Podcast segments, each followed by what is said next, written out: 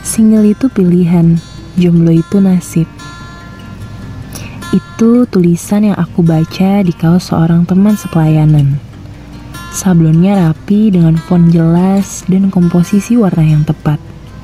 Membuat tulisan itu seakan menghipnotis semua mata yang melihat. Tanpa pikir panjang, aku mendatangi temanku untuk mengomentari kaosnya. Lantas bertanya, "Kamu yang mana?" dengan nada bercanda. Single dong, sautnya sambil tersenyum.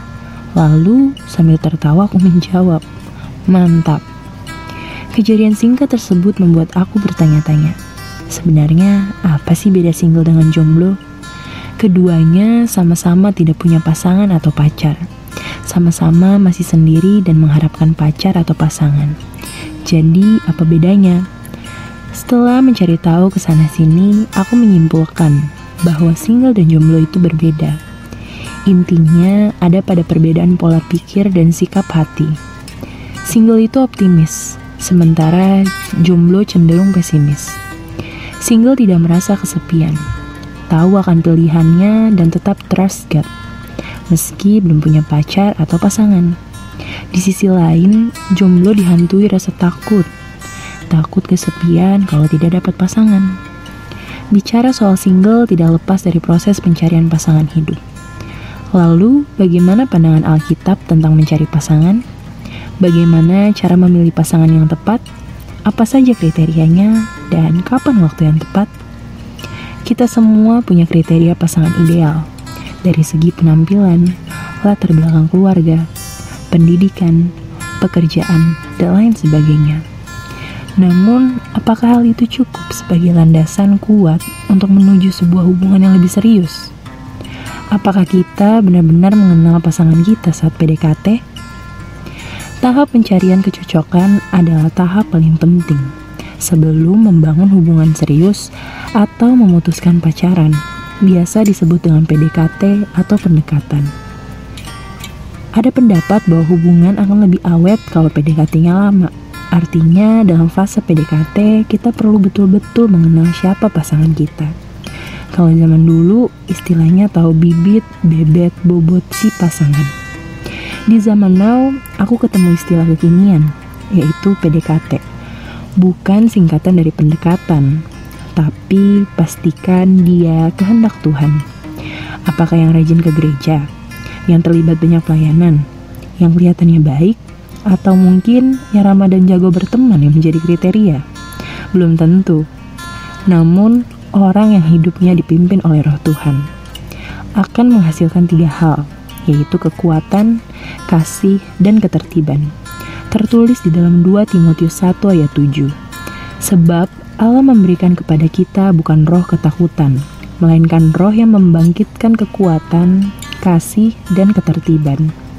Kekuatan Kekuatan di sini bukan mengenai otot, tetapi tentang keyakinan akan firman Tuhan. Tahan uji terhadap segala macam pencobaan dan tekanan hidup.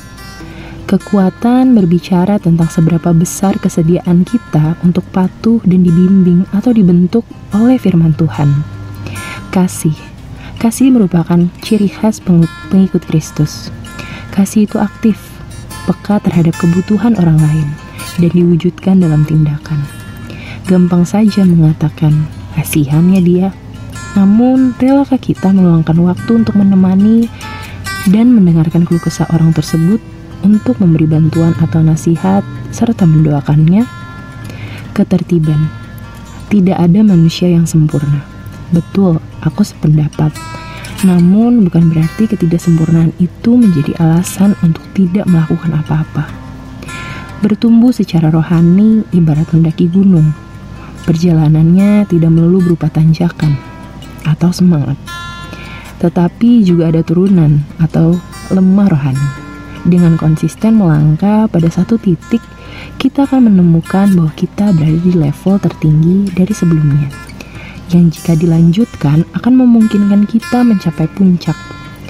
Kedisiplinan bukanlah tentang perjalanan yang mulus, tetapi tentang kemampuan kita untuk bangkit kembali meski jatuh berkali-kali. Namun, selain mencari kriteria untuk pasangan kita, kita harus mengingat Allah menciptakan Hawa sebagai penolong yang sepadan bagi Adam. Menurut KBBI, sepadan berarti mempunyai nilai yang sama, sebanding, seimbang, dan berpatutan.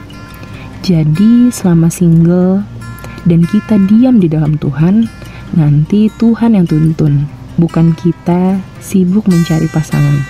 Tapi sibuklah cari kedekatan dengan Tuhan, karena Dia yang akan kasih kita yang sepadan. Cukup adil bukan? Anda dan pasangan harus merasakan hal yang sama sewaktu menjalin hubungan yang sesuai kehendak Tuhan. Demikianlah renungan kita malam hari ini. Mari kita bersatu di dalam doa. Tuhan, kami bersyukur dalam kesempatan ini kami masih dalam keadaan yang berkecukupan dan dalam keadaan yang sehat. Kami percaya bahwa kami selalu dipelihara oleh tangan pengasihan-Mu. Kami juga berdoa untuk setiap kami yang mungkin dalam keadaan atau situasi yang kurang baik. Biarlah kami selalu berpengharapan hanya padamu. Tuhan Yesus, saat ini kami berdoa untuk renungan yang sudah kami dengar. Mampukan kami ya Tuhan agar mampu menikmati proses hidup yang sedang kami jalani. Kami menyadari bahwa kami tidak pernah berjalan sendiri, karena Engkau selalu beserta kami. Kami percaya di saat-saat kami sedang sendiri menantikan pasangan hidup, Tuhan sedang mempersiapkan yang terbaik untuk setiap kami yang berkerinduan untuk memiliki hubungan. Kami juga percaya Engkau mempersiapkan kami untuk bisa menjadi pasangan yang baik kelak. Kami serahkan segala sesuatunya hanya di dalam tanganmu saja ya Bapak. Tuhan, kami mau bersatu hati berdoa untuk keadaan dan situasi yang sedang terjadi saat ini. Kami berdoa untuk setiap perawat, relawan, aparat yang sedang dalam masa tugasnya di masa pandemik ini. Kami berdoa untuk diberikan kesehatan, kekuatan, dan kiranya penyertaan-Mu selalu menyertai mereka.